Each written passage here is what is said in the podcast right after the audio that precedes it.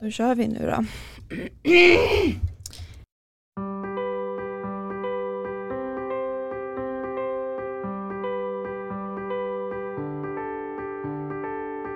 Hej, det här är Hanna Hej, det här är Angelica och det här är våran podd som heter Under Livet! Där tappade jag rösten. Vilken tur att du inte ska prata så mycket idag, du ska lyssna. Hur mår du? Eh, ja, alltså rösten är inte att jag är sjuk eller så, utan det är ju att jag har ju problem med stämbanden och borde gå till logopeden oftare, utan nu har jag pratat mycket den här veckan och då tappar man rösten. Så jag är inte sjuk, jag mår bra. Eh, men fredag, lördag har jag haft fullt upp med vänner och så, men jag har gråtit. Eh, jag var på ett gynbesök och det här var ändå ett längre, jag har ju varit däremellan, men nu var det liksom undersökning också. Eh, och se över för att sen april egentligen kan jag säga att jag blöder så mycket, alltså jag har noll energi. Jag dricker blutsaft, jag tar järnbrustabletter, jag äter järntillskott, jag knaprar eh, babyspenat som chips. Alltså jag vet inte vad mer jag ska göra liksom. Men jag förlorar jätte, jättemycket blod och om jag inte blöder så har jag censurera, nej jag skojar, tjocka rosa flytningar, alltså som är av blod. Alltså, jag, så jag är ständigt i en inflammation känns det som. Och eftersom att jag är aktiv och styr grejer och så, så vill ju jag eh, ändå göra det liksom. Och då använder jag ju trosskydd och då blir det ju trosskydd eller binda. Och då får jag svamp. Så det är en sån här ond cirkel, jag orkar inte mer. Så jag gick dit och sträckte ut en hand och bara, jag behöver dig nu. Så jag till min läkare och eh, jag vill att du lyssnar på mig nu och jag var nervös, jag började gråta men jag berättade allt från början. Jag är liksom karriärfokuserad, jag är mitt i mitt liv. Eh, jag är inte sugen på att dejta för att jag själv inte vill det heller. Men jag är inte direkt sugen för min kropp stoppar mig. Jag orkar inte blöda, jag orkar inte vara den där. Alltså det måste bli mer kontroll på min kropp. Nej men så nu hoppas jag verkligen att jag blir bra. Utan nu är planen att jag ska påbörja, hjälp mig Hanna, GNHR diagnostik. Mm, antagonist. Men helt, så istället för att vara i medicins, för jag äter så mycket hormoner. Kemisk klimakterium. Ja, Mm. och, och grejen är att jag har ju min lever som jag håller på att utreda som hon bara skakade på huvudet om inte opererade bort de här hemangiomen för att de är vaskulära och kan, liksom, om man ändå kan ta bort dem, varför gör man inte det då? För det blir fler och fler, så hon skakade på huvudet och förstod mig helt och bara vilket år du har haft med MR2, gastroskopi och bara allt gjort för det här. Så nu ska jag testa en sån kemisk klimakterie Eh, sluta med mina minipiller men behålla Provera för blödandets skull och spiralen. Eh, och vi ska inte eh, ta i att jag sväljer tabletter i östrogen utan nu ska jag få östrogenplåster. Men hon ville rådfråga med Anna-Sofia bara med doser och liksom rådfråga en kollega hur vi ska lägga upp det här för att jag sa det, jag orkar inget mer. Alltså jag är så aktiv och jag mår dåligt när jag mår så alltså jag, om jag ändå är sjuk så vill jag ändå kunna må så bra jag ändå kan och det gör jag inte nu så att hon ska hjälpa mig nu, vi ska byta behandling. Vi gjorde gynundersökning och då brukar jag blunda.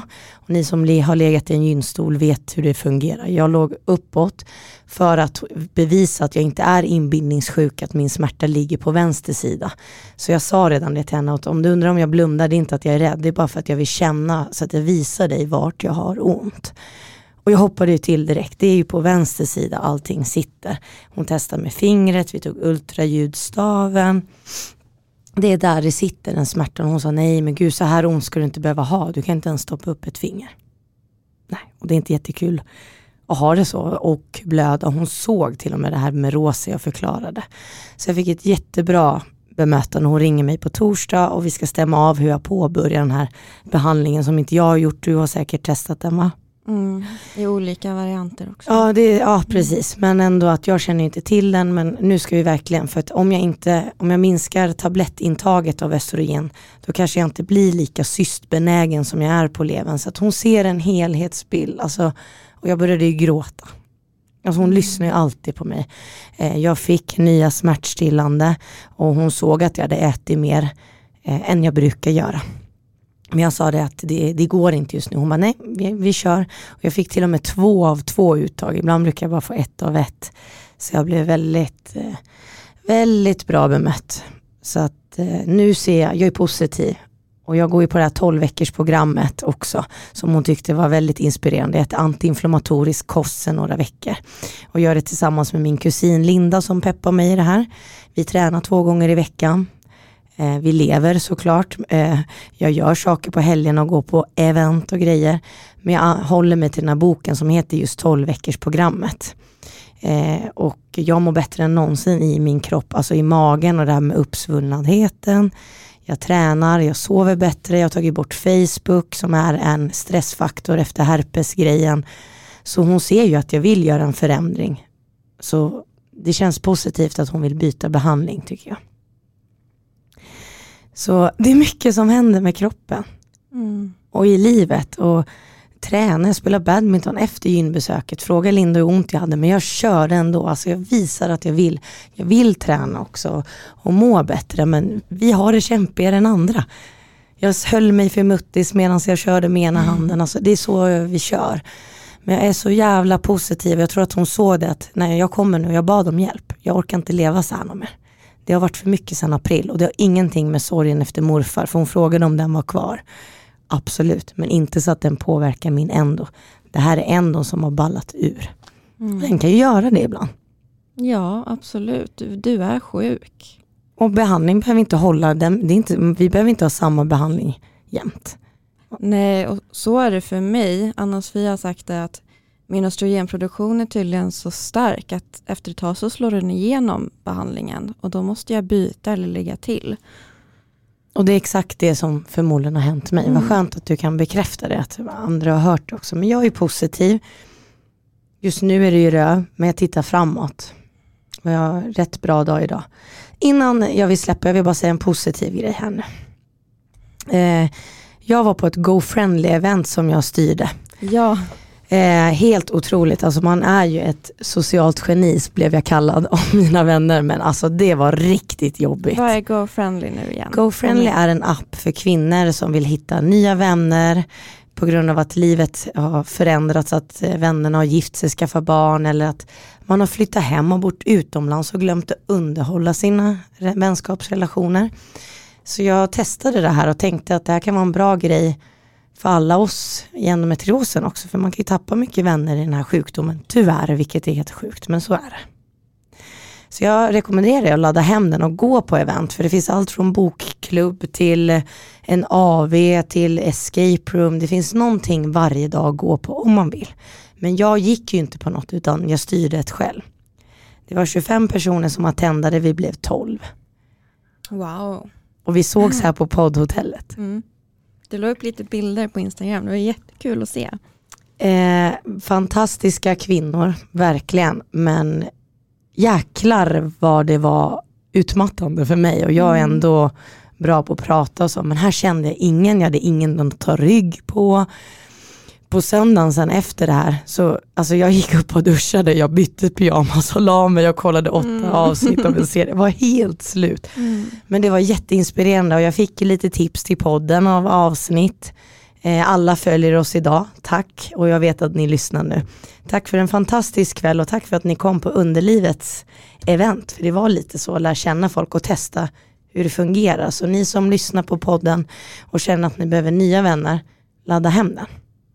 Jättebra tips. Du är inte ensam. Så det är så inspirerande människor man träffar och du väljer ju själv vad du vill göra. Mm. Det här vart ju mer lite som en AV-aktigt och middag. Var det någon av tjejerna som har endometrios? Nej. Så det blev mycket, jag fick berätta allt om podden, jag fick förklara vad endometrios var. Men många kom och delade med sig av deras sjukdomar mm. eller upplevelser om vården. Vi hade fullt samtal flytande till klockan ett på natten. Från 18 till klockan ett. Jag är så stolt över dig Angelica. Men jag måste säga, till och med jag hade ont i magen nu. Alltså mm. det var läskigt, men jag vet att ni var inga farliga nu när vi lyssnar i efterhand och vi hörs här och ni följer podden. Men jag var jättenervös, man vet inte alls. Liksom. Nej men att du är nervös, det betyder ju att du tar det på allvar. Ja, att det, det här var viktigt för dig. Det var jätteviktigt och jag mm. ville att alla skulle förstå varför vi hade den här podden, för jag fick lite frågor faktiskt. Mm. varför pratar ni om sånt här jobbigt, hur orkar ni? Mm. Var det några som tyckte, alltså jag vet att ni ville fråga mig massor med frågor men det här var en Mm. som jag svarade då att det är för att ingen pratar om dem, det är därför det är jobbigt. Mm. Och um, jag kunde ändå förklara varför vi gör det jobbet vi gör. Men vi har tunga ämnen och det var underlivet. Vi behandlar mycket sånt och jag vet att många är tacksamma och det var ju de också men de undrar att hur orkar ni prata om så jobbiga grejer? Mm. Och vi orkar ju för att vi får så himla många fina meddelanden efter varje avsnitt med människor som säger att det här fick mig att känna mig mindre ensam. Jag får nästan gåshud bara nu men alltså det är tack vare er som vi verkligen orkar fortsätta göra det här. För det är tungt och det är jobbigt och vi har många gånger som gråtit både här i studion och utanför och det, det tar på en verkligen. Och bara för att briefa det här, jag säger ju inte vem som sa, vi vet ju inte vilka det är, men det här var ändå intressant. Det var en av kvinnorna som sa till mig då att ja, hitta på ett avsnitt, säg att jag ska gå igenom en förlossning till exempel. Mm. Nu var ju det ett dåligt exempel. Eller om vi pratar PCOS, hitta på nu. Mm.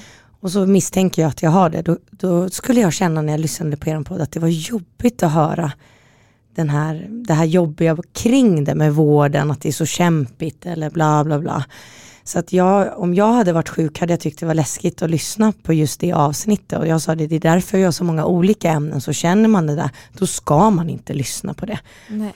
Men det var, det var mycket samtal kring att jag hade inte velat höra kanske en skräckhistoria om endometrios om jag genomgick en be- utredning. Mm. Så hur tänker ni kring det? Och jag sa det att vi tänker att man får välja det som passar en själv. Ja, och jag tänker också att många gånger så vill vi ju, det är ju inte skräckhistorier utan vi berättar ju som det är. Det är så här det är. Och det måste få komma fram till ljuset. Och det är vår personal som lyssnar på våran podd som faktiskt kan förändra vården. Eh, och att man också kan få bekräftelse i den här situationen att shit, det här som hände mig, det hände jättemånga, men det får inte hända. Så att de här eh, skräck inom citationstecken nu historierna, de är så jävla viktiga att faktiskt prata om och visa upp. Och vi vill ju inte vara en depp-podd, eh, men vi måste skildra verkligheten så som den är. Samtidigt som jag tycker att vi är väldigt peppiga. Eh, vi pratar om det med både liksom gråt och skratt. Och jag tänker på avsnittet med Katarina om PMDS. Det var ett fint avsnitt för att hon hade känt att hon har fått jättebra med hjälp och, och sådär. Och det är klart att man måste visa upp båda delar. Såklart. Och som du säger, välj själv vilka avsnitt du vill lyssna på och när du vill lyssna på dem. För det är väl inte alltid man är mottaglig för att höra den här verkligheten heller. Men den är så viktig att, eh, att belysa. Och det var lite det jag sa och nu får vi tänka på att de här som jag träffade hade aldrig hört om podden Mm. eller lyssnat innan de träffade mig. Men det var väldigt viktigt, jag tänkte att jag delar det med dig, vad många kanske tänker när de läser våra beskrivningar. Kanske upplever de det som de här kvinnorna gjorde, gud vad tunga avsnitt. Men nu när man har fått det förklarat, nu lyssnar ju de på podden, det vet jag. För att det var, vi har glimten i ögat, vi skrattar. Men det var ändå intressant för dig och mig att veta när folk läser om podden att det kanske är det de tror, bara tungt, tungt, tungt. Men det är inte det, vi har en balans. Mm, och jag hoppas verkligen att, alltså vi känner det ju här i studion men jag hoppas också att, att, att det märks av när man lyssnar. Att vi har lite glimten i ögat och kan skämta om det svåra också. Vi försöker ju göra det svåra enkelt att prata om. Nej, så tack alla som kom för äh, träffa mig men också för att diskutera kvinnohälsa och lyssna på Underlivet podd numera. Väldigt lärorikt att få höra vad folk tänker om första intrycket av poddbilden och in, eh, informationen. Mm. Nej, men jag är jättestolt över dig Angelica, du är så jävla cool. Jag är inte Nog förvånad. om mig nu. Jag var nog om mig nu. Nu undrar jag, hur mår du kompis? Hur mår jag? Ja, jag är just nu sjukskriven av både på grund av endometriosen som är förjävlig, i och med att jag har varit obehandlad en längre tid. Och eh, jag har varit med om någonting som också har fått kroppen väldigt mycket ur balans. Och sen har jag från maj, nu när vi spelar in det här är det ju september och från maj så har jag kämpat väldigt mycket. Så att det här är någon slags utmattning också. Och min kropp är helt slut. Jag tänker att jag, jag tar det från början. För att det är väldigt mycket vad det här avsnittet kommer handla om. Och som vi sa i början så kommer jag prata mycket idag, Angelica kommer lyssna. Och det är för att jag ska läsa upp berättelser som ni lyssnare har skickat in till oss om ett, eh, ett ämne. Ja, ni vet ju vad det här avsnittet heter så att det kommer handla om missfall och jag ska läsa upp eh, missfallsstories, era missfallsberättelser. Eh, men jag börjar med min egen. Och jag tänker också att allt började i maj.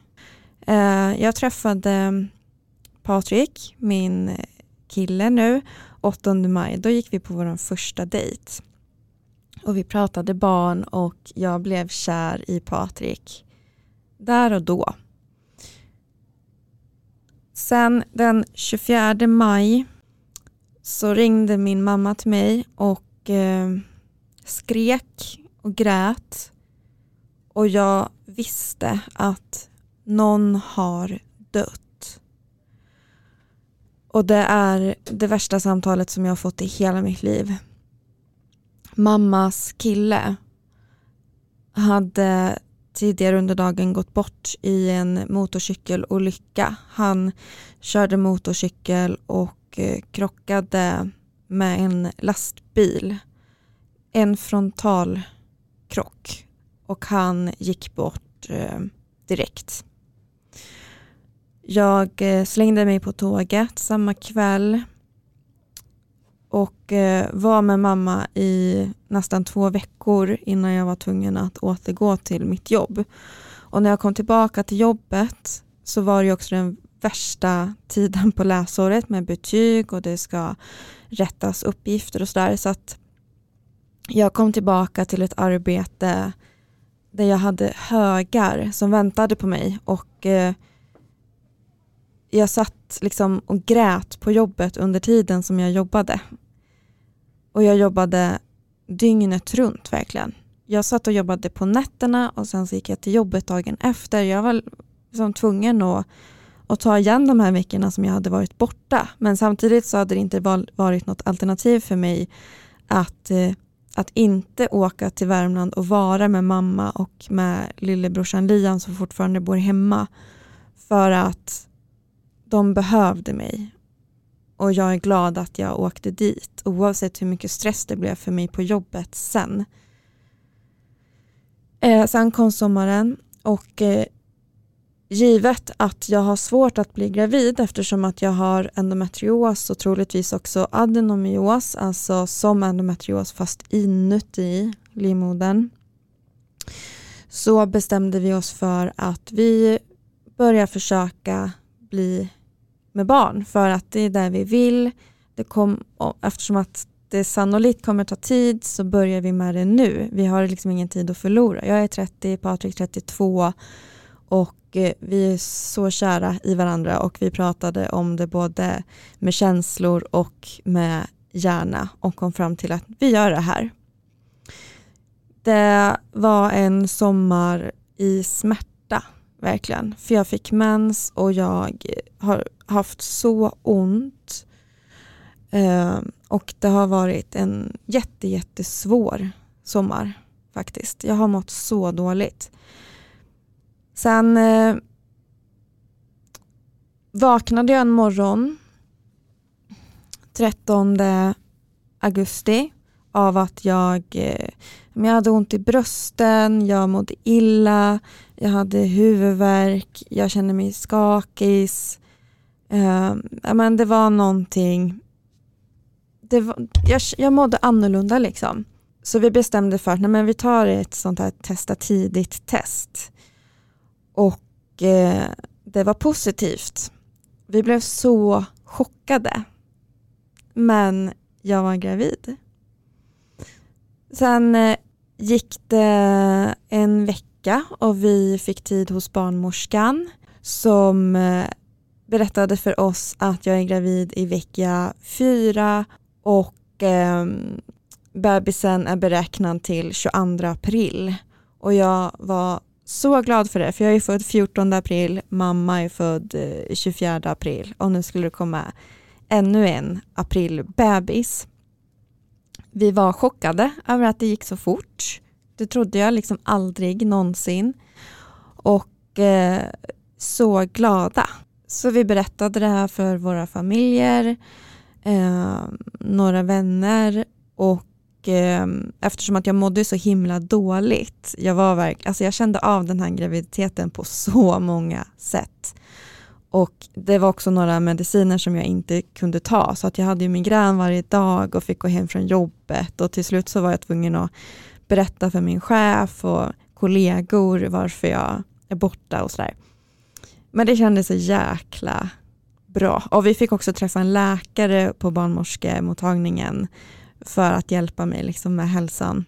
Sen eh, så spelade vi in eh, avsnittet med förlossningsdolorna.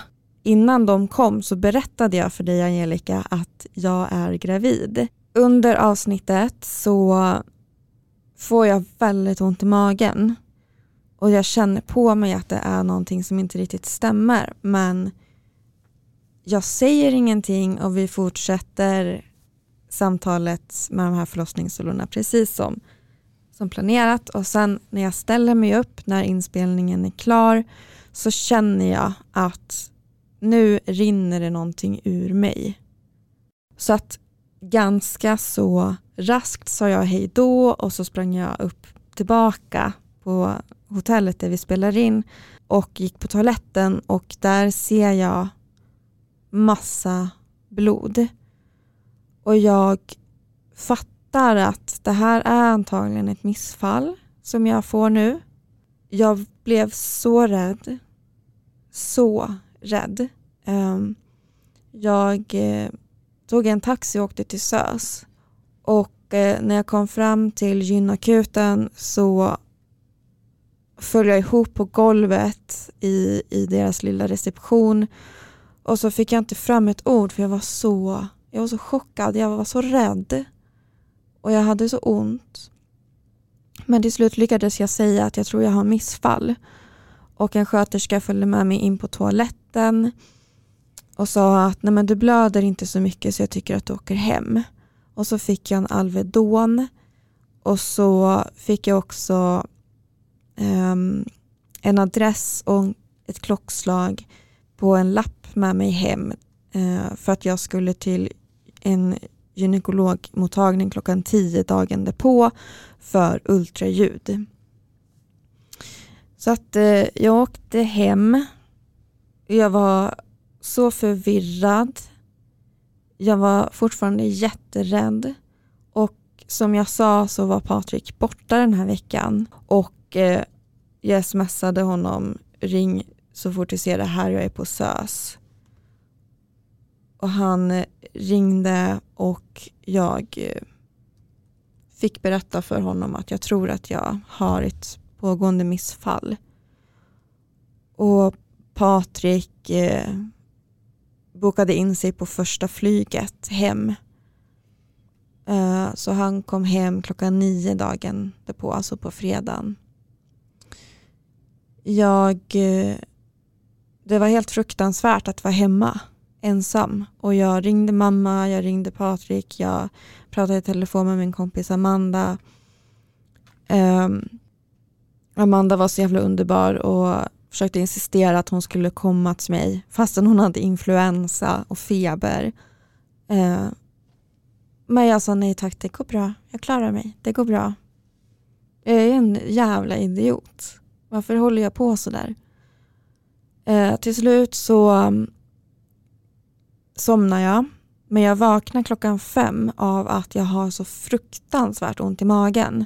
Så jag får alltså mer ont i magen än vad jag har haft tidigare under kvällen. Jag sätter mig på toaletten och så känner jag att det är någonting som min kropp liksom vill krysta ut. Jag tar emot det med min hand ser det som skulle bli min aprilbebis och eh, förstår att det här är absolut ett missfall och jag är inte gravid längre. Nu är det utanför min kropp. Um, och det kom så jävla mycket blod och jag satte mig i duschen och bara spolade varmt vatten på mig själv och satt där ända tills Patrik kom och jag grät och skrek konstant. Jag var så förkrossad och så ledsen.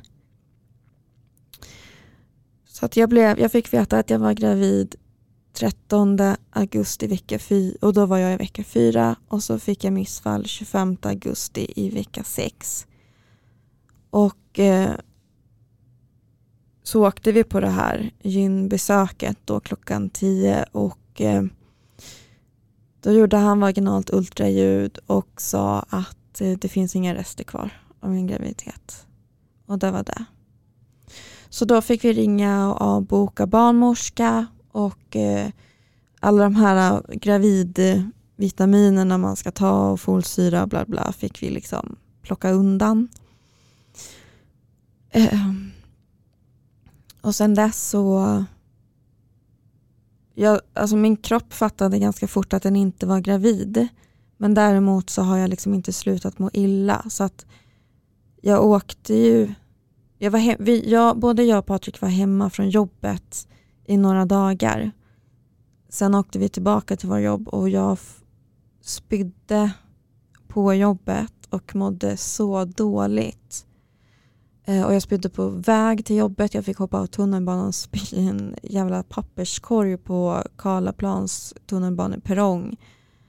Um, och eh, förra veckan tror jag det var, skitsamma, så var jag hos min läkare Anna-Sofia och blev sjukskriven september ut. Eh, minst. Så vi får se hur det går. Men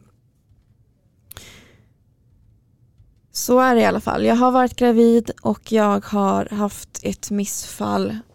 Um, vi har bestämt oss för att vi försöker igen. Det finns ingen det, vi har liksom ingen, det känns som att vi inte har tid att vänta och vi vill det här så mycket så att vi, vi kör på. Och när vi berättade om missfallet så öppnade andra upp sig, våra vänner och kollegor och så vidare. Det är så otroligt många som har sagt ja också. Och eh, jag förstår inte varför vi inte pratar om det här om det är så många som har upplevt det. För jag hade ju ingen aning om att mina vänner hade gått igenom det här. Varför pratar man inte om det? Därför så har ju du och jag Angelica samlat ihop en massa stories från er som har gått igenom missfall. Eh, och jag kommer läsa upp dem här nu. Och missfall är så jävla vanligt. En av sex graviditeter leder till missfall. Det är så viktigt att vi pratar om det. Jag sitter och är helt berörd och som sagt, jag kommer sitta och lyssna och det känns som att jag får vara en del av min egen podd här och lyssna på podden samtidigt som vi spelar in den. Men det här är så viktigt att prata om. Alltså jag blir så berörd att höra din story. Mm. Ja. Och min chef sa till mig så här, fan vad fint Hanna, när jag berättade för henne att jag var gravid. Fan vad fint Hanna, vilken revansch på livet du och din familj får. Nu när ni har liksom varit med om dödsfallet och allt det här. Um, vilken mirakelbebis. Och så blev det så här. Ehm, jag vill bara säga att nu när jag läser upp de här historierna att alla namn är utbytta. Och eh, det här är Josefins berättelse. Jag vill gärna dela min historia då jag tycker det är alldeles för stor skam att prata om det, tyvärr. Jag fick en dotter år 2020 på andra försöket. Oj vad lätt vi hade för att bli gravida och för att få ett barn. Inga som helst komplikationer under graviditeten.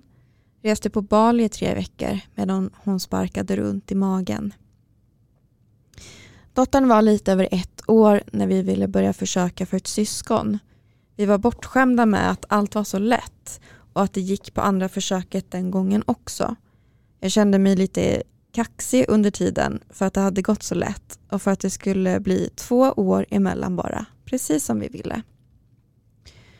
Vecka 10 kom, vi skulle göra ett ultraljud och ett eh, NIPT-test. Det fruktansvärda barnmorskan säger kommer jag aldrig glömma. Nej du, jag ser tyvärr ingenting. Jag är jätteledsen. Jag trodde hon skämtade. Hur kunde det inte gå så lätt den här gången? Vad gjorde jag för fel? Blev remitterad till en specialist som konstaterade att det verkligen inte var något liv i fostret. Och jag fick påbörja en abort samma dag. Jag tar tabletterna hemma och börjar tappa blod. Två minuter efter att jag bytt binda rinner det längs benen ner på golvet. Blodet slutar inte rinna. Jag går till duschen och ser hur mycket blod jag tappar och blir så rädd. Min man ringer 1177 som säger åt mig att åka in till akuten direkt. På gynakuten blev jag inlagd då jag var uppe i cirka 900 milliliter blod och jag var yrslig av blodförlusten. Det var ett blodbad inne på toaletten och jag fick ångest för att sköterskorna skulle behöva städa efter mig. Fick gå igenom totalt fyra abortbehandlingar på sjukhuset för att försöka få stopp på blödningarna och för att alla rester skulle ut. Efter mitt dygn på sjukhuset så besökte jag läkaren igen två veckor senare. Allt var inte ute. En skrapning bokades in och jag skulle för första gången sövas. Men snart kunde vi börja försöka igen till ett syskon. Det som fick mig att klara hela den här händelsen var min fantastiska dotter där hemma.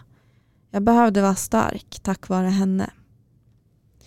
Vi försökte igen så fort vi kunde, blev gravid igen tre månader senare. I vecka sex eller sju börjar jag få rosa flytningar. Gyn säger att allt ser bra ut, att min livmodertapp bara är känslig. Okej, tur, skönt. Det rosa övergår till blod. Det här känns inte bra. Mer och mer blod. Åker till slut in till gynakuten där läkaren säger, säger fostret lever men det ligger långt ner vilket kan betyda att det är på väg ut från kroppen. Nej, inte en gång till. Jag blir inlagd på grund av min historik med mina enorma blödningar. Två dygn ligger jag inne ensam i ett rum och känner mitt missfall. Känner hur fostret stöts ut ur min kropp medan jag ligger och gråter och tänker på min dotter där hemma. Nu var allt ute. Vi skulle vänta in en mens, sen kunde vi försöka igen. Tredje försöket. Gravid igen. Nu äter jag blodförtunnande och får progesteron. Skräcken varje gång jag går på toaletten och ska möta blod på papperet. Den kommer alltid leva kvar. Och det enda vi gör nu är att leva för vår dotter som ger oss all lycka i världen och samtidigt hoppas på att den här lilla i magen nu klarar sig. Vill du kommentera något Angelica eller ska jag ta nästa story direkt? Jag tog undan micken till och med för att jag blir jätteberörd. Jag förstår inte hur man orkar liksom gång på gång. Det är det jag, jag lyssnar gärna. Jag, jag vet inte vad jag ska säga. Nej. Jag vet inte vad jag ska säga. Då läser jag bara. Marias berättelse. Första missfallet gick okej. Okay. Det skedde av sig själv i vecka 11. På fredagen började jag blöda lite grann och tanken på missfall började växa. På lördagen blödde det lite mer och på söndagen fick jag smärtor som liknade menssmärtor. Mer blod och allt kom till slut ut. Det var ganska chockartat när jag kände att fostret kom ut men annars hyfsat smärtfritt. Visste inte vart jag skulle göra av det så jag slängde det i hushållssoporna. Ringde gynakuten som bedömde att jag inte behövde åka in. Jag var på jobbet på måndagen och både jag och min sambo kände att ja, det var tråkigt men vi tar nya tag. Missfall är ju vanligt och vi hade inte försökt så många månader så vi blev nog gravida snart igen. Min cykel startade igen efter fyra veckor. Det jobbiga var att strax efter missfallet så blev jag besatt av att bli gravid nu. Precis som att något hade triggats igång om min hjärna var utbytt mot någon annans. Och sorgen när mensen kom varje månad var outhärdlig. Det dröjde nio månader innan vi plussade igen och förra missfallet gjorde sig påmint varje dag. På jobbet gick jag på toaletten bara för att kunna känna om brösten fortfarande gjorde ont. Fanns det blod? På ett begärt ultraljud vecka 9 var det dags igen. Jag la mig i stolen och fostret konstaterades död i vecka 7. Den här gången hade jag fått se ett svagt tickande hjärta när jag var inne på ett tidigare ärende så jag visste direkt att det var borta när de inte såg något hjärta. Fick tabletter och gick hem. Jag väntade några dagar tills jag var ledig. Det var otroligt smärtsamt och till slut tog alla smärtstillande som jag hade fått. Satt i duschen medan min sambo hämtade varma handdukar och klappade på mig igenom verkarna. Allt gick på någon timme eller två, minns inte riktigt. När fostret äntligen kom ut så tittade jag bort och min sambo fick ta hand om resterna. Jag är så tacksam att jag hade någon vid min sida. Jag visste ju från förra gången hur det ser ut och denna gång orkade jag inte se vad vi gick miste om. Men ibland får jag ändå en inbillad bild på näthinnan. Därefter följde några dagar av molverk och blödningar. Hela den upplevelsen, fysiskt och psykiskt, var ganska traumatisk. Det skulle ju bli vår tur nu. Vill också säga att min vän som gjort abort på samma tabletter fick inte alls så ont. Så det är helt klart individuellt. Vid årsskiftet går vi in på vårt tredje år som ofrivilligt barnlösa och att inte få hjälp av vården för att vi får missfall, det räknas som en graviditet alltså, är otroligt knäckande. Tänk om det är något fel och att man, in, och att man kan förhindra ett tredje missfall. Hade vi aldrig fått ett plus hade vi fått hjälp för länge sedan. Jag vill inget hellre än att få ett plus på stickan samtidigt som jag vet att det kommer att bli många ångestfyllda månader när och om det väl händer. Jag visste inte att det var så inom vården. Det här med att man inte får hjälp om man har plussat. Visste du det? Nej. Nej. Det är jättehemskt. Mm. Någonting är ju, säg, inom situationstecken fel på kroppen. Det, man har ju ändå inte ett barn som har kommit ut, man har bara plussat. Mm. Det var sjukt, det är min reaktion på det. Mm. Och samma sak också det här att har du inget barn, då får du bekostad IVF. Har du redan ett barn, då får du inte bekostad IVF. Det är knappa regler. Jag kan väl på något vis förstå varför man har dem och det är ingen rättighet att få barn och så vidare. Men jag kan ändå inte jag kan ändå inte förstå det. Nej, jag håller med dig. Mm. Saras berättelse. Tack för att ni ville ta upp detta som är enormt jobbigt. Det kan kännas som en skam att prata om. Jag har sedan flera år tillsammans med min sambo försökt att bli gravid men drabbats av missfall varje graviditet. Graviditeterna har inte pågått mer än vecka 6 och 8 som sen blir ett tufft missfall. Jag var i början inte orolig för att bli gravid eller hur lång tid det skulle ta. När jag fick mitt första missfall på min allra första semester tog inte vården mig på allvar när jag berättade om smärtorna och de blödningarna som blev. Jag har fått drygt tio missfall, tror till och med att det är fler än det. När jag fick ett missfall 2014 kunde inte min kropp ta hand om det själv. Jag tvingades åka till gynakuten och det visade sig att jag hade fruktansvärt dåliga värden. Jag hade också haft rikliga blödningar i flera veckor. Jag opererades under sövning. I buken hittade de 3 deciliter blod och 30-tal polyper. Frågade den opererande läkaren vad polyperna och missfallen berodde på fick svaret Går du ner i vikt ska du se att du mår bättre och blir gravid. Va? Jag var 153 centimeter och vägde 60 kilo. Efter det här vägrade jag sätta min fot på akuten mer än vid absoluta nödsituationer och gick istället till en privat gynekolog i samma stad. Jag misstänkte mer och mer för varje missfall och efter operationen att jag hade endometrios men det trodde inte min gynekolog för jag hade inte chokladsystor. Allt såg fint ut. Jag sökte mig till henne väldigt ofta, framförallt vid mens på grund av kraftfulla blödningar och hemska smärtor. Men allt såg fint ut varje gång. 2018 fick vi äntligen ett plus via IVF som blev ett missfall. Nu hade jag nått min gräns med missfall. Nu vill jag veta varför det här hände oss. 2020 fick jag träffa en endometriosläkare som tog mig och mitt mående på allvar. Hon var säker på att jag hade endometrios och 2021 fick jag en diagnos. Endometrios i bäckenet och adenomios inuti livmodern. Hon sa att just adenomiosen gjort att vi fått missfallen.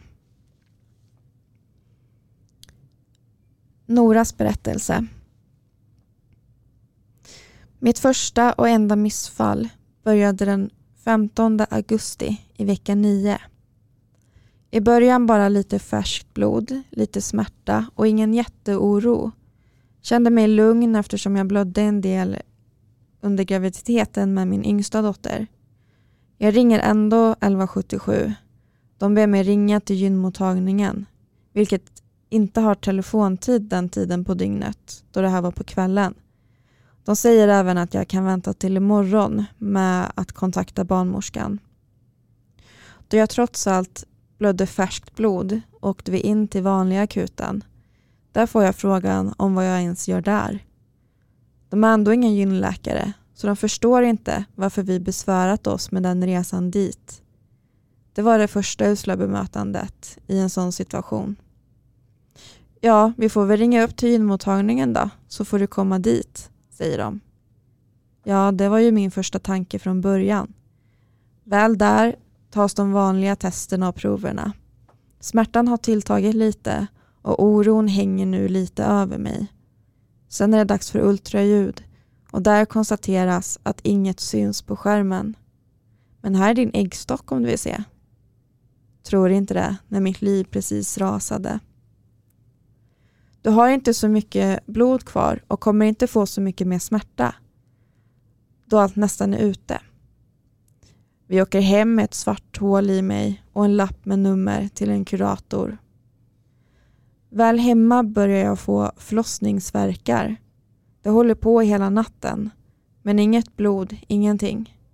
Smärtan tilltar timme för timme och det gör väldigt ont. Men hela dagen går utan att det blir något blod.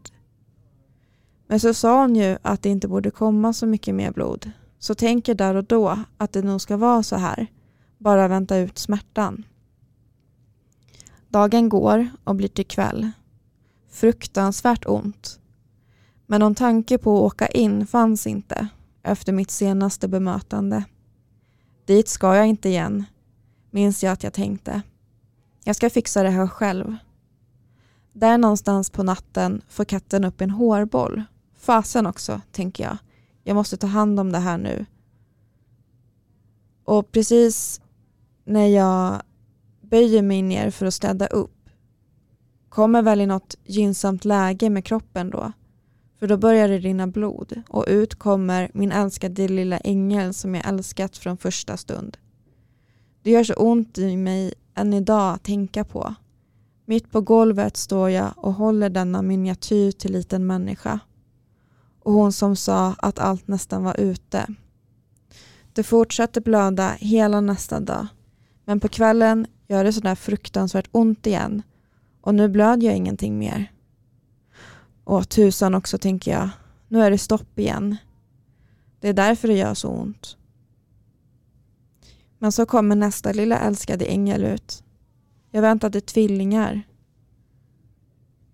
Inget jag visste om så blev en dubbel sorg och dubbel smärta. Jag var sjukskriven i två veckor men nu har jag börjat jobba igen. Sorgen är tung och finns med mig hela tiden.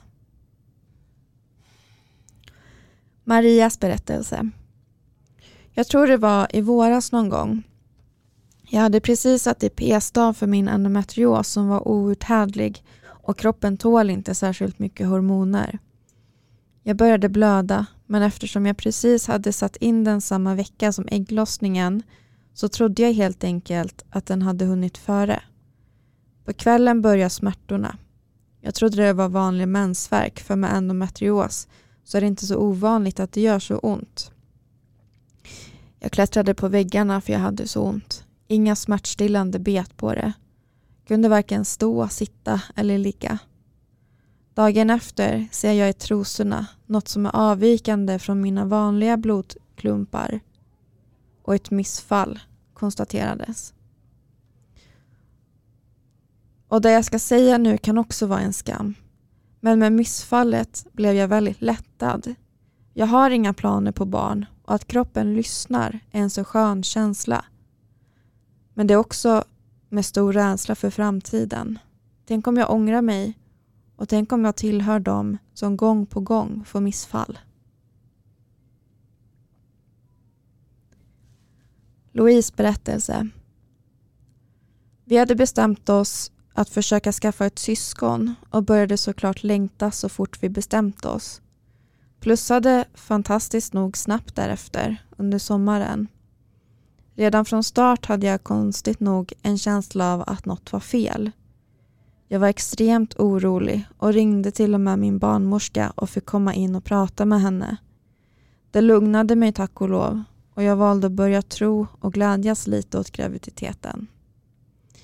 I vecka åtta började jag få lite blod på pappret när jag torkade mig.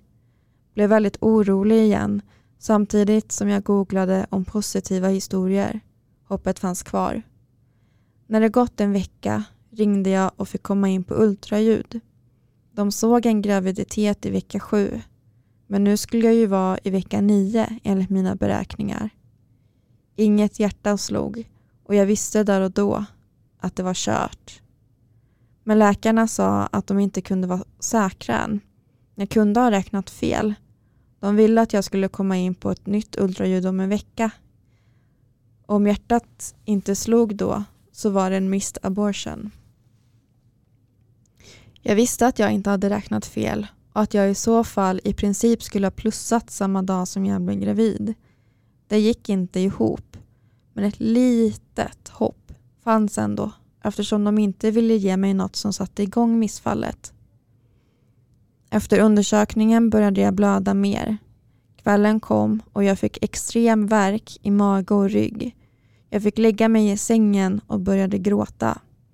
Eftersom jag genomgått en förlossning innan så kände jag igen det. Verken kom och gick. Precis som förlossningsverkar fast i mildare grad. Gråtandes undrade jag hur länge jag skulle behöva stå ut med det och sorgen inombords när jag förstod att detta inte kommer ge mig en bebis utan tvärtom. Efter 30 minuter får jag en tryckande känsla och jag säger jag behöver gå och bajsa. Hinner bara in på toaletten när jag känner hur kroppen automatiskt kryssar lite lätt, krystar lite lätt och en stor klump kommer ut och landar i mina trosor. När jag ser klumpen börjar jag gråta i panik. Jag kände igen förlossningens stadier fast i mild grad. En miniförlossning kändes det som. Och tyvärr kom inte allt i små klumpar. Det var det värsta för mig. Jag kunde se en liten moderkaka och formen av ett litet, litet foster. Allt kom på en gång och jag tappade helt här. Kunde inte spola ner min lilla bebis. För där och då var det min lilla bebis. Vad gör jag med den? Grät för att jag hellre hade fått ut allt i omgångar och sluppit se. Jag var, kanske sjukt nog, tvungen att röra vid klumpen och säga hejdå. La en av storebrors nappar i en påse tillsammans och fick slänga alltihop i soptunnan. Helt plötsligt var jag inte gravid längre. Efter att i fem, sex veckors tid börjat våga fantisera om hur våren skulle bli med två bebisar. Jag grät massor den kvällen och dagen efter. Men sen valde jag att tro på att det hände mig av en anledning. Vi har haft lätt för att bli gravida och jag har många runt om mig som kämpar. Statistiken visar att det är vanligt att få missfall. Om det var något jag kunde göra för mina vänner som kämpar så var det att vara en del av den statistiken för att förhoppningsvis ta en plats från dem. Hellre jag än att de som kämpar i snart två år ska få missfall. Det hjälpte mig. Det hjälpte mig också att redan ha en son som tog mycket fokus. Samtidigt som det kunde påminna mig om vad jag mist också. Vi bestämde oss snabbt för att försöka igen. Jag trodde att det skulle göra det lättare för mig och efter två försök blev jag otroligt nog gravid. Denna gången valde jag att tro på det direkt. Jag visste att det inte lönar sig att gå och oroa sig. Den sorgen får man ta när den kommer, om den kommer. Att oroa sig innan dämpade inte sorgen vid förlusten. Den gjorde bara att jag gick och mådde dåligt i onödan. Nu har jag min andra lilla bebis och är så glad över att få träffa denna lilla. Tänker emellanåt på missfallet och alla känslor i den lilla miniförlossningen. Jag har otrolig respekt för alla som kämpar med att bli gravida. Som kämpar med oro i graviditet och ja, allt som rör det här. Det är inte lätt, men kanske kan det bli lite, lite lättare när vi pratar om det och kan få stöd av varandra. Med missfall i bagaget är det nog lätt att oroa sig mer, men jag vill ändå säga att jag faktiskt oroade mig mindre den graviditeten. Jag bestämde mig för att ta den sorgen när den kom i så fall och det fungerade faktiskt bra för mig. Och det här med att inte berätta för folk innan vecka 12 tycker jag är skit faktiskt. Man bestämmer helt och hållet själv när man vill berätta. Varför blir vi lärda att vara ensamma med missfall och hålla det för oss själva? Att man inte ska berätta, för tänk om något går fel. Det är ju egentligen sånt som vi behöver prata mer om. Sannas berättelse. Första missfallet i vår familj var när min fru efter alla IVF-försök en få via landstinget äntligen lyckades bli gravid. Missfallet skedde i vecka åtta, samma dag som min morfar begravdes efter att hastigt gått bort i cancer alldeles för ung. Det var så fruktansvärd smärta i dubbel bemärkelse. När min fru ringde 1177 sa de bara att det är vanligt att blöda och att den inte ska vara orolig. Vårt andra missfall var min andra graviditet. Vi har fortsatt behandling i Danmark och jag blev gravid efter en IVF och födde ett barn. De resterande embryona som var kvar frös vi ner. När vi skulle använda dem igen så lyckades jag bli gravid med sista embryot som fanns kvar. Jag hann känna mig gravid i två dagar innan symptomen försvann igen och samma dag som jag skulle testa mig, några dagar efter beräknad mens, kom missfallet. Det var så stor skillnad att lyckas bli gravid och få missfall än att IVF-försöket inte lyckades. Jag hade ett viktigt jobbmöte den dagen och bara bet ihop och åkte dit innan all sorg skulle hinna ifatt mig. Jag hann tänka innan vi började försöken med de sparade nedfrysta embryona att jag får säkert ett missfall den här gången jag blir gravid. För den vet ju att det är så vanligt och jag hade inte haft missfall innan. Även om min fru hade det och vi varit med om ett innan i familjen. Men jag är glad att det var ett så pass tidigt missfall än att jag hann få för stora förhoppningar. Tack för er fina podd och för att ni lyfter så bra saker. Stinas berättelse. Tyvärr upplever jag att missfall fortfarande är väldigt tabu, till och med mer än exempelvis abort. Är det för att man känner sig misslyckad eller lurad av sin kropp? Oavsett anledning upplevde jag verkligen att så många vänner och bekanta helt plötsligt berättade om sina missfall efter att jag hade berättat om mitt. Men de hade aldrig tidigare nämnt något. Det är ett svårt ämne att prata om. Svårt att, svårt att förstå sin kropp och svårt att bedöma hur allt ska vara när man aldrig har varit med om det tidigare. Mitt missfall började med att jag blödde små blödningar någon gång då och då i ett par veckor. De gånger jag ringde 1177 fick jag bara höra att de inte kunde göra något för en vecka 12. Självklart var jag otroligt orolig, men det är också så vanligt med små blödningar. Många vänner hade liknande symptom och har helt underbara barn nu. Första ultraljudet under graviditeten görs cirka vecka 12, eller i mitt fall vecka 13. Ultraljudet var mitt under värsta perioden av coronapandemin och jag var därmed helt ensam på rummet. För mig kändes första ultraljudet som en stor och omvälvande livshändelse. Men barnmorskan var så stressad och ville knappt vänta i 30 sekunder på att jag kunde koppla in min kille på Facetime. Det slutade med att han hörde allt men kunde inte se något och jag kunde inte höra honom, vilket inte var en särskilt bra start. Snabbt efter att jag lagt mig ner och utan att hon hade frågat om hon fick börja fick jag se en skärm och såg rätt snabbt att min moderkaka var som ett stort svart hål med ett litet foster som upptog cirka en tredjedel av hålet. Jag kände direkt att något var fel och barnmorskan berättade att barnet hade slutat leva för cirka tre veckor sedan. Jag hade alltså fått en så kallad missed abortion. Jag kände inte alls att barnmorskan var beredd på att ta hand om en sån situation ur ett psykiskt perspektiv. Hon kändes ganska känslokall. Men jag förstår också att det är svårt att hantera en sån situation. Barnmorskan berättade hur allt skulle gå till rent praktiskt och jag fick välja om jag ville vänta tills missfallet började av sig självt eller om jag ville starta igång det själv. Jag valde såklart det senare och en remiss skickades för att få aborttabletter som skulle ske dagen därpå eller om ett par dagar förhoppningsvis. Ungefär här tappar jag det och allt börjar sjunka in. Under samtalet har jag bara gråtit tyst och stirrat upp i taket medan vi går igenom alla praktiska detaljer. Det känns som en evighet trots att det måste ha tagit högst en minut. Men när barnmorskan inte kan berätta för hur länge jag behöver bära mitt döda barn i kroppen kommer hysterin, sorgen, paniken och jag har nog aldrig skrikit och gråtit så okontrollerat utan att ha fysiskt ont. Missfallet kom igång av sig självt ett par timmar efter att jag kom hem utan att jag hade fått någon igångsättning. Och här kände jag verkligen hur det psykiska inverkar på det fysiska. För där och då förstod min kropp att mitt barn var borta. För min hjärna hade förstått det. För mig blev det ett komplicerat missfall.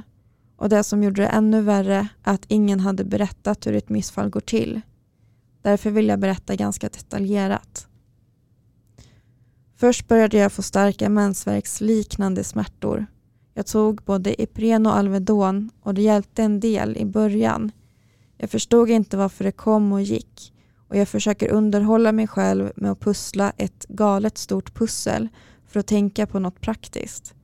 Ibland låg jag på golvet bredvid och hyperventilerade av smärta och ibland kunde jag sitta och dricka te. Någon gång mot natten när alla barnmorskemottagningar hade slutat ha öppet kom smärtorna cirka var 20 till 15 minut och då hjälpte ingenting. Vi ringde akuten och de sa att det var så här det var att ha missfall. Så jag fortsatte bara att ha ont. Jag försökte sova men vaknade var tionde minut och sen var femte och så vidare. Jag upplevde alltså missfallet som en miniförlossning. Någon gång klockan elva på förmiddagen efter cirka ett dygn av smärtor så kom de stora blödningarna.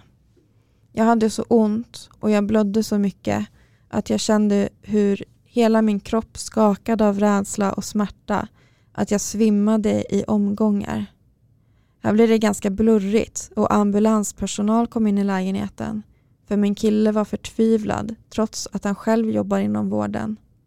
Jag kom till akuten till slut och fick sova och smärtstillande i tre timmar. Sen fick jag åka hem igen. Den dagen var början på missfallet. Chocken kom dock efter och min kropp kändes totalt förstörd i en vecka. Mina bröst producerade mjölk och jag var fortfarande hormonellt gravid i flera veckor Jag fick en stor infektion och fick skrapas två gånger. Det tog cirka tre månader innan jag hade slutat blöda helt. Sammanfattningsvis upplevde jag att jag inte har fått så mycket hjälp kring att förstå hur kroppen kunde reagera vid ett missfall, men också det psykiska måendet efteråt. Jag har hört med vänner som har varit i liknande situationer och vi hade liknande upplevelser kring att känna sig gravid långt efter missfallet. Gällande det psykiska upplevde jag något som jag aldrig tänkt på förrän jag blev gravid. Att man har någon sorts helig moderstämpel under tiden man är gravid. Alla tar hand om en, frågar och ringer och är mån om ens mående. Och efter missfallet kunde jag verkligen känna så stor skillnad på att folk inte hörde av sig. Att man hade slutat tänka på mig som en helig mamma. Och jag var helt plötsligt inte värd något utan mitt barn. Det är såklart svårt att förstå vad man ska göra som anhörig eller vän i en sån situation. Men hör av er. Trots att man inte får svar. Man behöver all kärlek man kan få. Jag tyckte att det var så bra att prata mycket med alla möjliga personer för att få nya perspektiv och tankar. Jag delade sorgen med min sambo och vi tog hand om varandra. Vi pratade om allt man kände och allt vi inte ville känna men vi skrattade mycket åt saker som vanligt och försökte göra roliga saker och se på framtiden med nya ögon. Vad kunde vi göra nu när vi inte skulle få barn? Skratt är ett sånt viktigt verktyg efter ett trauma. Det hjälper verkligen. Det finns forskning som stödjer det här. I dagsläget tänker vi att vi ska börja försöka igen inom en snar framtid. Vi vet inte om vi kommer få ett missfall igen, men vi vet att vi har varandra och att vi kommer kunna gå vidare tillsammans. Linneas berättelse. Här kommer min förkortade historia om mina två missfall. Jag har endometrios och vi har be behövt göra IVF för att få barn. Efter första barnet hade vi tre frysta embryon kvar till framtida syskon. När det väl var dags blev jag gravid på första försöket med ägg nummer ett. Efter ett par veckor började jag blöda och ultraljud på kliniken bekräftade tidigt missfall. Jag blev faktiskt inte så ledsen trots alla våra problem med att få barn. För Jag tänkte att det är så vanligt och det händer ju väldigt många. Andra ägget blev ingen graviditet men det tredje och sista blev. Den här gången dröjde det länge innan det gick snett så när blodet kom blev jag mer överraskad. Jag tror att jag var i vecka nio eller tio den här gången och jag blev helt knäckt. Allt kändes mörkaste mörkt och jag fattade inte varför det här skulle drabba just oss. Kände mig värdelös i min egen kropp på något sätt. Även om det inte var mitt fel. Jobbar dessutom på sjukhuset i vita kläder, vilket är sådär när man blöder mycket. Samma dag som ultraljud på kliniken bekräftade missfallet testade våra vänner positivt. Men vi fick vårt andra barn till slut, trots att pandemin kom och en massa andra jobbiga grejer hände. Jag är tacksam, men missfall kan verkligen vara hemskt. Elins berättelse. Jag gjorde ultraljud i vecka 10 och då upptäcktes att fostret inte levde. Det skulle bli mitt femte barn och jag hade varit förskonad från missfall tidigare så det var verkligen en chock trots att jag vet hur vanligt det är. Jag fick panik, allra mest för att jag nu var tvungen att få ut fostret. Tabletter eller skrapning kändes lika fruktansvärt och farligt. Jag var rädd för smärtan, blodet, sövningen och allt annat. Jag är så glad för att barnmorskan och gynekologen tog sig tid och lyssnade och till slut valde åt mig när det var omöjligt för mig att fatta ett beslut. Det blev skrapning, så jag var sövd och jag är så tacksam att de valde det som var bäst för mig och inte vad som var enklast, snabbast eller billigast för dem. Elviras berättelse. Jag har skaffat barn som ensamstående och innan jag fick min dotter Lo i juni 2020 så hade jag två missfall. Det första i vecka 4-5 men som inte upptäcktes förrän på första ultraljudet. Det var i april-maj 2018. Det andra i vecka 10-11 som upptäcktes på ultraljudet vid tre månader. Det var i maj-april 2019. Jag reagerade på att de kallade det för abort inom sjukvården. Jag var tydlig med att det var ett missfall, inte en abort. Det kallas ju för missed abortion.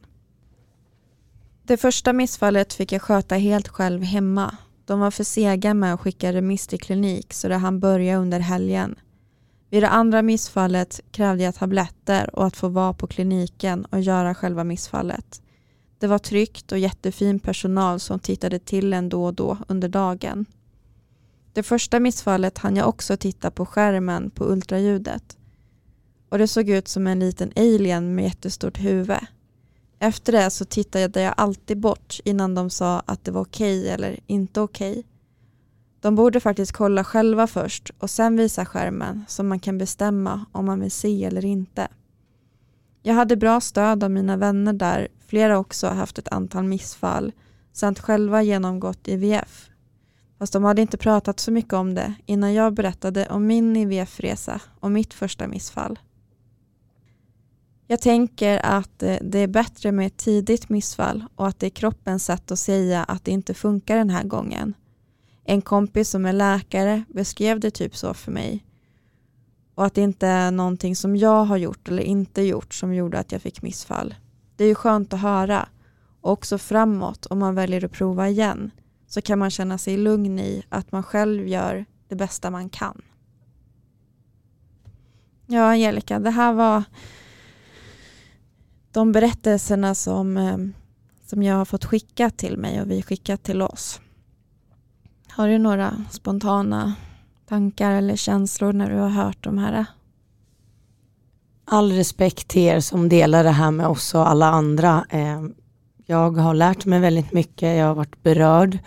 Samtidigt tycker jag det är så himla viktigt att vi tar upp det här. Så jag kommer inte ta upp så mycket tid mer än att jag är tacksam att ni har delat det här och man är inte ensam i det här och det var någon som skrev i brevet där att man inte ska berätta för någon innan vecka 12. Det gav mig en reflektion faktiskt. Varför får man inte? Det är som att man är gjord för att det ska hållas hemligt. Liksom. Det är helt, helt galet. Så att, tack snälla för ni delar. Jag har lärt mig mycket och är väldigt berörd. Mm. Jag tycker också att det är bra att vi har visat med de här berättelserna att ett missfall kan också vara en lättnad om det är så att man inte vill vara gravid. Um, och det kan också vara det svåraste som har hänt någonsin. Och man behöver liksom prata om de här olika perspektiven. Och som du säger Angelica, vi behöver faktiskt prata om missfall och att man är gravid innan den här jätteknäppa gränsen vecka 12. Varför inte? För att det är så jävla vanligt och de här berättelserna, så de här, det är helt otroligt vad, vad de här människorna har fått genomlida i ensamhet.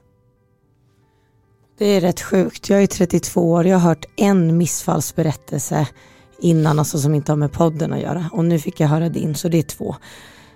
Och bara här fick jag en rad med massa olika upplevelser och allt. Vi pratar inte om det. Det är helt otroligt. Mm. Det är det. Tack för idag Hanna, vilket avsnitt. Ja. Tack för alla berättelser och tack för att du lyssnade Angelica. Nu går vi hem och däckar. Hejdå. Hejdå.